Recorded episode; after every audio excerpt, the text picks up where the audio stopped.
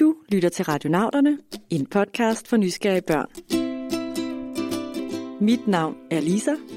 Og mit navn er Karen.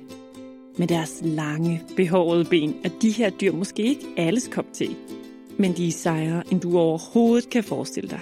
De kan for eksempel lave et smukt og ekstremt holdbart spind på ingen tid. Og så kan de kravle op af vægge. Hej, jeg hedder Adrian. Hej, jeg hedder Elliot. Vi vil gerne vide, hvordan æderkopper kan kravle på vægge kun med benene. Hej, jeg hedder Halvdan. Jeg vil gerne vide, hvordan æderkopper spiser. Monik, du også engang har sunget Lille Peter æderkop. Men hvorfor ham der Peter overhovedet kan kravle op af muren, det har jeg faktisk aldrig tænkt over. Men det er der heldigvis nogen, der har, og en af dem skal du møde her. Jeg hedder Nikolaj Scharf, og jeg er æderkopspecialist på Statens Naturhistoriske Museum. Nikolaj elsker æderkopper. Både dem, der kravler på muren, dem han studerer rundt omkring i verden, dem, der bor i hans have, og endda dem, der bor i hans hus. I mit hus er der i hvert fald ret mange æderkopper for tiden. Og jeg tager godt indrømme, at jeg ikke ligefrem elsker æderkopper. Faktisk synes jeg, at de er en lille smule klamme, og når jeg ser sådan en rigtig stor en, så vil jeg så gerne bare have den ud. Ja, så er det en rigtig dum idé at få den ud, fordi den holder faktisk skadedyr og myg og fluer. Altså fluer er jo ikke rare at have i huset, fordi de har måske siddet på en hundelort, og så sætter de sig på din pølsemad, ikke? og det er jo ikke så rart. Så det er jo rart, hvis man har en æderkop, som kan fjerne den. Så æderkopper er nyttedyr, øh, men af en eller anden mærkelig grund, så er folk bange for æderkopper. Der findes jo nok en del, der har det ligesom dig, Lisa. Men hvis det står til vores æderkoppeekspert, så skal vi altså blive meget bedre venner med æderkopperne, og slet ikke være bange for dem. Så skal vi ikke bare kaste os ud i det? Jo, lad os det. Og dig derude, du er selvfølgelig også inviteret med i vores æderkoppe venskabsklub. En æderkop, den har otte ben, og den kan også gå på vægge. En æderkop, den har sorte tænder ved munden, og så har den sådan en bagved, så der kommer spind ud af. Og så kan de se grå ud og hvide ud og sorte ud. Okay, hvis man skal blive gode venner med nogen, så er det meget smart, man ved, hvordan de ser ud. Nu er det bare sådan, at æderkopper ofte er ret små. Men det har Nikolaj heldigvis en løsning på. Jeg har en model her af en æderkop, og det er sådan en, en almindelig korsæderkop, som I kender ude fra haven. Den er bare forstørret rigtig mange gange. Og hvis man kigger på den, så vil man se, at den, øh, at den har otte ben. Og det er sådan set det bedste måde at kende dem på, det er, at de har otte ben. Hvis man sammenligner med insekter, fluer og biler og den slags, så har de seks ben. Så hvis man bare tæller benene, så har man en god mulighed for at finde ud af, om det er det ene eller det andet. Så har de så også det, at de har en krop, der er delt i to. Ikke? Der er en forkrop, og der er en bagkrop. Og nede i bunden af bagkroppen, der sidder der nogle spindevorter. Og spindevorterne bruger æderkoppen til at lave sit spind med. Så hvis I kigger på en æderkop, der kravler rundt, så vil I se, at den næsten altid har lidt spind øh, kommet ud af bagkroppen. Så skulle den skvatte og falde ned, så har den sikkerhedsline, som sikrer, at den ikke falder for langt. Jeg begynder måske at blive lidt fan af vores nye ven her. Hvor sejt er det ikke lige altid at have en sikkerhedsline? Virkelig sejt. Spindevorterne, som dutterne, der sidder bagerst på æderkoppen, hedder, er noget helt unikt for æderkopper. Og de kan bruge deres spind til alt muligt sejt. For eksempel en slags bungee jump. Men hvor mennesker gør det for sjov, gør æderkoppen det, hvis den bliver bange. Hvis man går ud i haven, og man kommer hen til en korsæderkop, så vil den ofte lade sig falde, fordi den er bange. Der kommer en stor ting, og så lader den sig falde. Men så vil man altid kunne følge tråden, fordi tråden den, den hænger op fra spindet. Æderkoppespindet vender vi selvfølgelig tilbage til. Men først skal vi lige op i den anden ende af æderkoppen. Ude fortil, der sidder der faktisk otte øjne. Men de otte øjne kan den faktisk kun bruge til at skelne mellem lys og mørke. Den kan faktisk ikke se ret meget, så den kan ikke se byttet. Så det, det, den fanger og skal spise, det skal den kunne mærke. Og det gør den så ved hjælp af, af de her mange forskellige hår og tårne, den har på benene. Så selvom en æderkop har mange øjne, så ser den langt fra lige så godt som dig. Til gengæld har æderkopper et super sejt sanseorgan, nemlig dens hår på benene.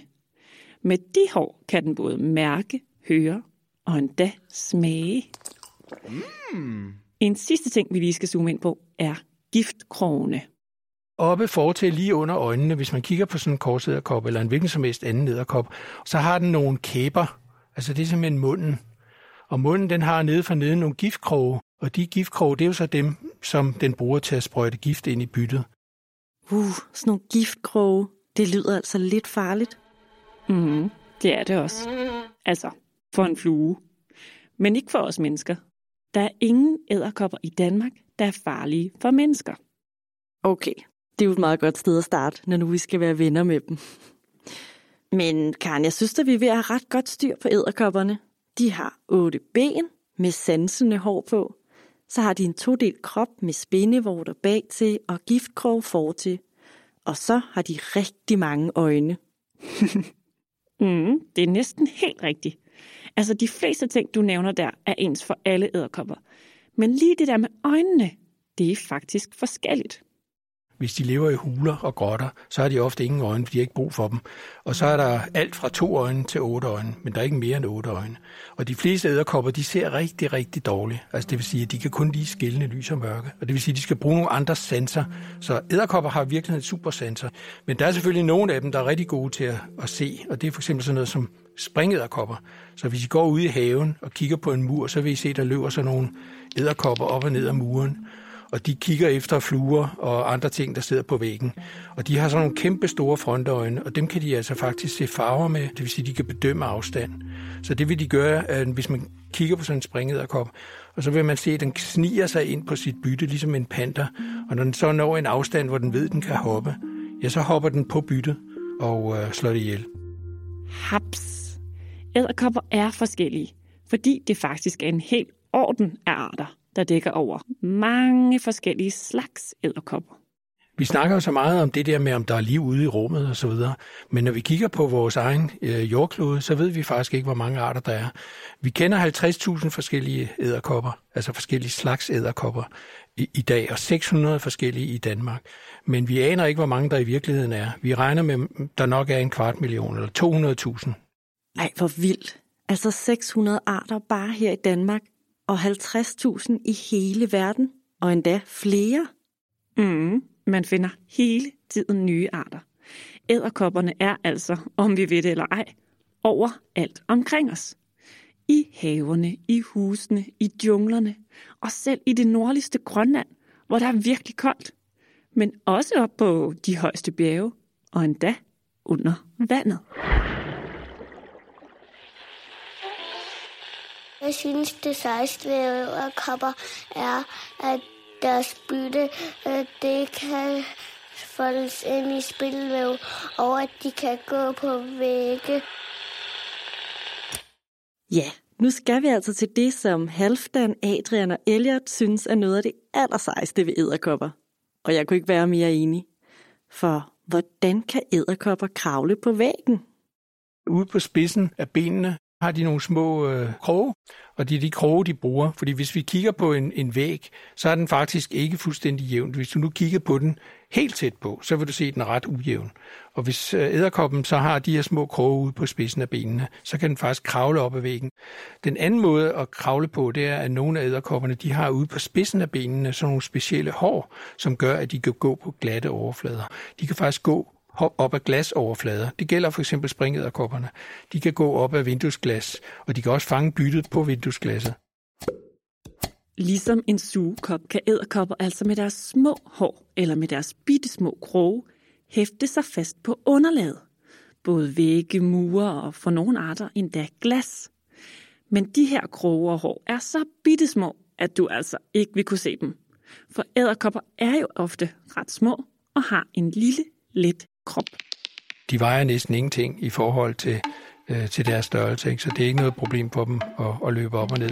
Og man kan jo godt undre sig, noget af det, som jeg selv finder meget mærkeligt, øh, det er, hvis man tager en øh, springæderkop og kigger på den i vinduet og ser den fange bytte, så vil man nogle gange se, at springæderkoppen den sidder på ruden, og så sidder fluen lidt længere nede. Så er æderkoppen i stand til at hoppe oppefra og ned og ramme fluen nøjagtigt.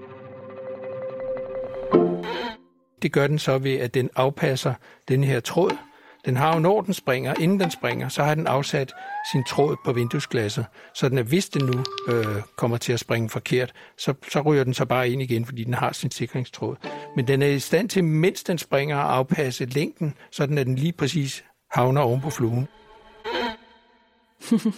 Mega sejt. Så de bungee jumper altså også for at fange deres mad.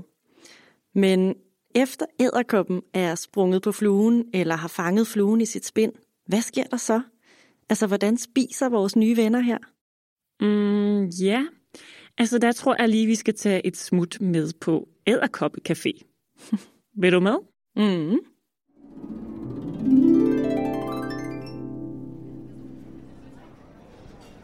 På Æderkoppecaféen Spider and the Juice er der godt gang i den. Derover sidder for eksempel Konrad Kors, og ind ad døren kommer nu Hilda Hus og Martin Meier. Hej Hilda. Hej Maja. Kom herover. Æderkopperne er super sultne, så de kaster sig over menukortet med deres mange ben. Uh, hvad skal man vælge? Fluesmoothie, myggejuice, myremælk. Hmm. Altså, jeg fik guldsmedesaften i forgårs. Den kunne min smagshår helt vildt godt lide. Men fluesmoothie er jo en klassiker. Hvad siger du, Martin Meyer? Altså, jeg kunne godt sætte giftkrovene i sådan en fluesmoothie. Det siger jeg ikke nej til. Okay, tjener. Tre fluesmoothies, tak. Og så er der serveret.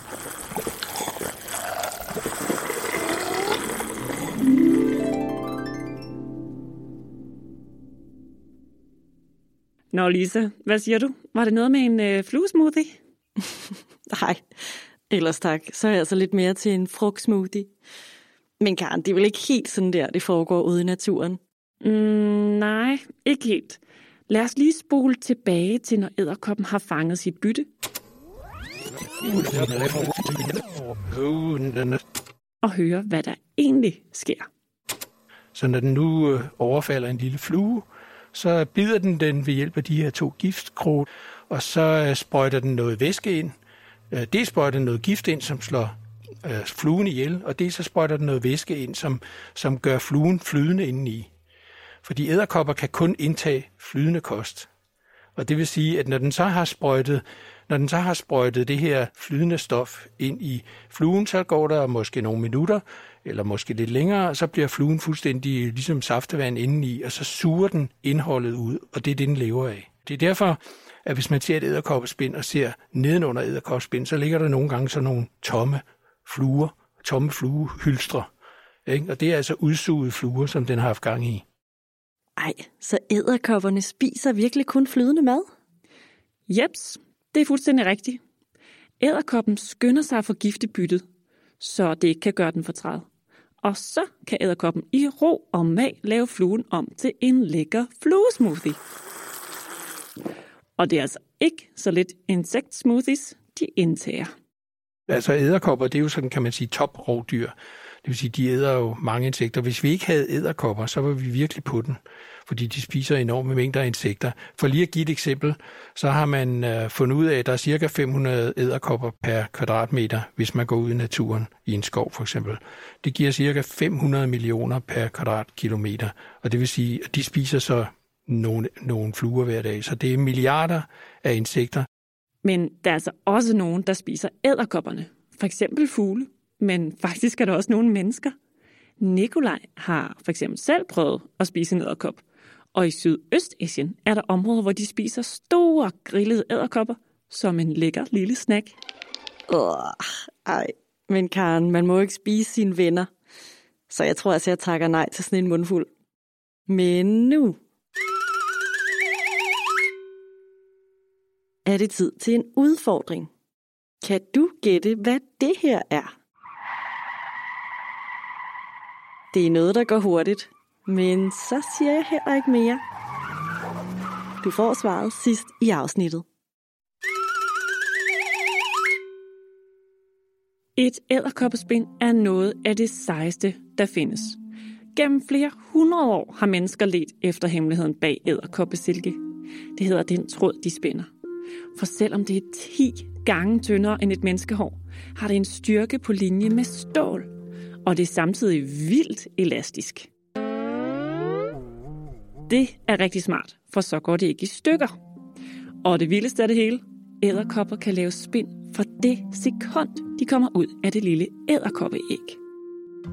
Den anden ting, som er lidt sejt, det er, at øh, sådan en som denne her korsæderkoppen, som jo laver julespind, øh, den har lim i trådene, så det vil, det vil I se, hvis, øh, hvis det er regnvejr, eller hvis der er duk i græsset, så vil I se, at æderkopspinden har små perler, og alle perlerne, det er der, hvor der sidder lim.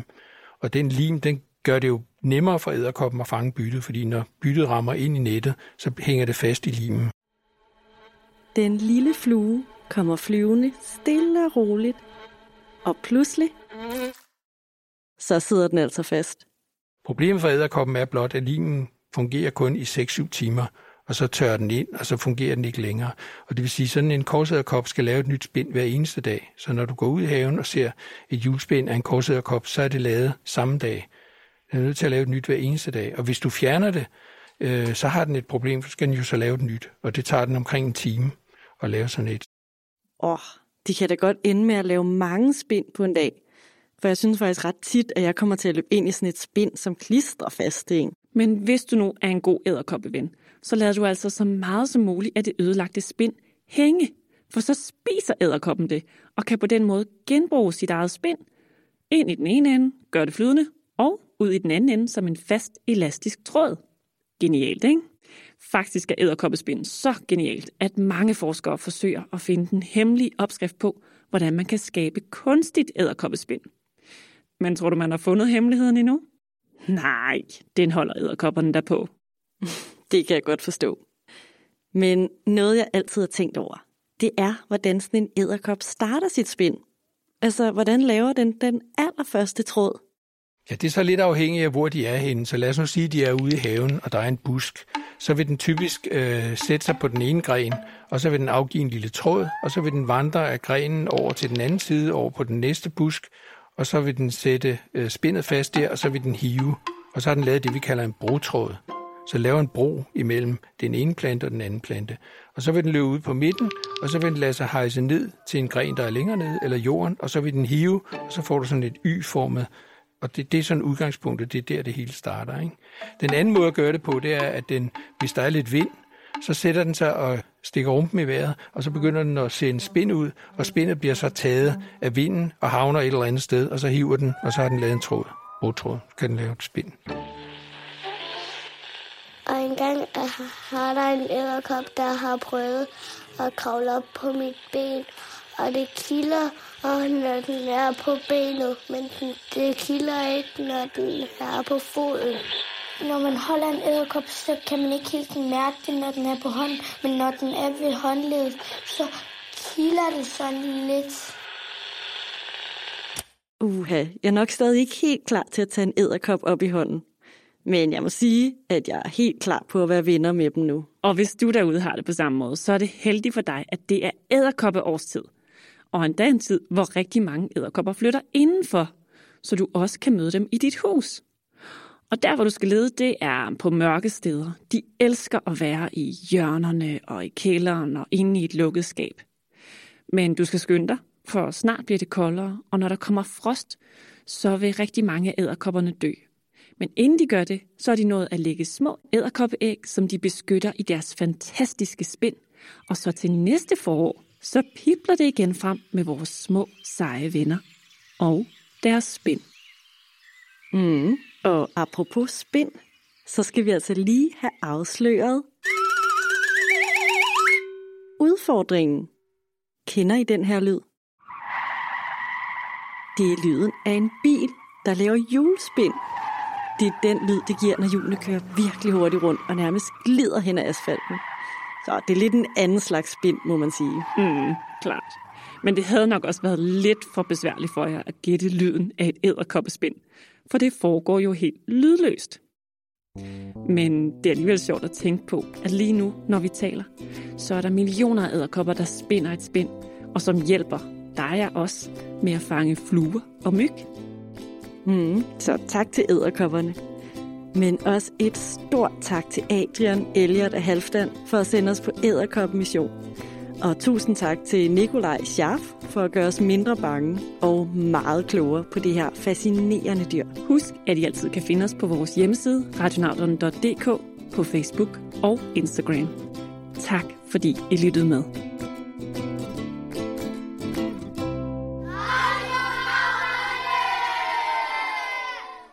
Radionauterne er produceret af Karen Bryl Birkegaard og Lisa Bay med støtte fra Novo Nordisk Fonden. Med os i redaktionen sidder Laurits Læsø Faglig og Philip Søborg.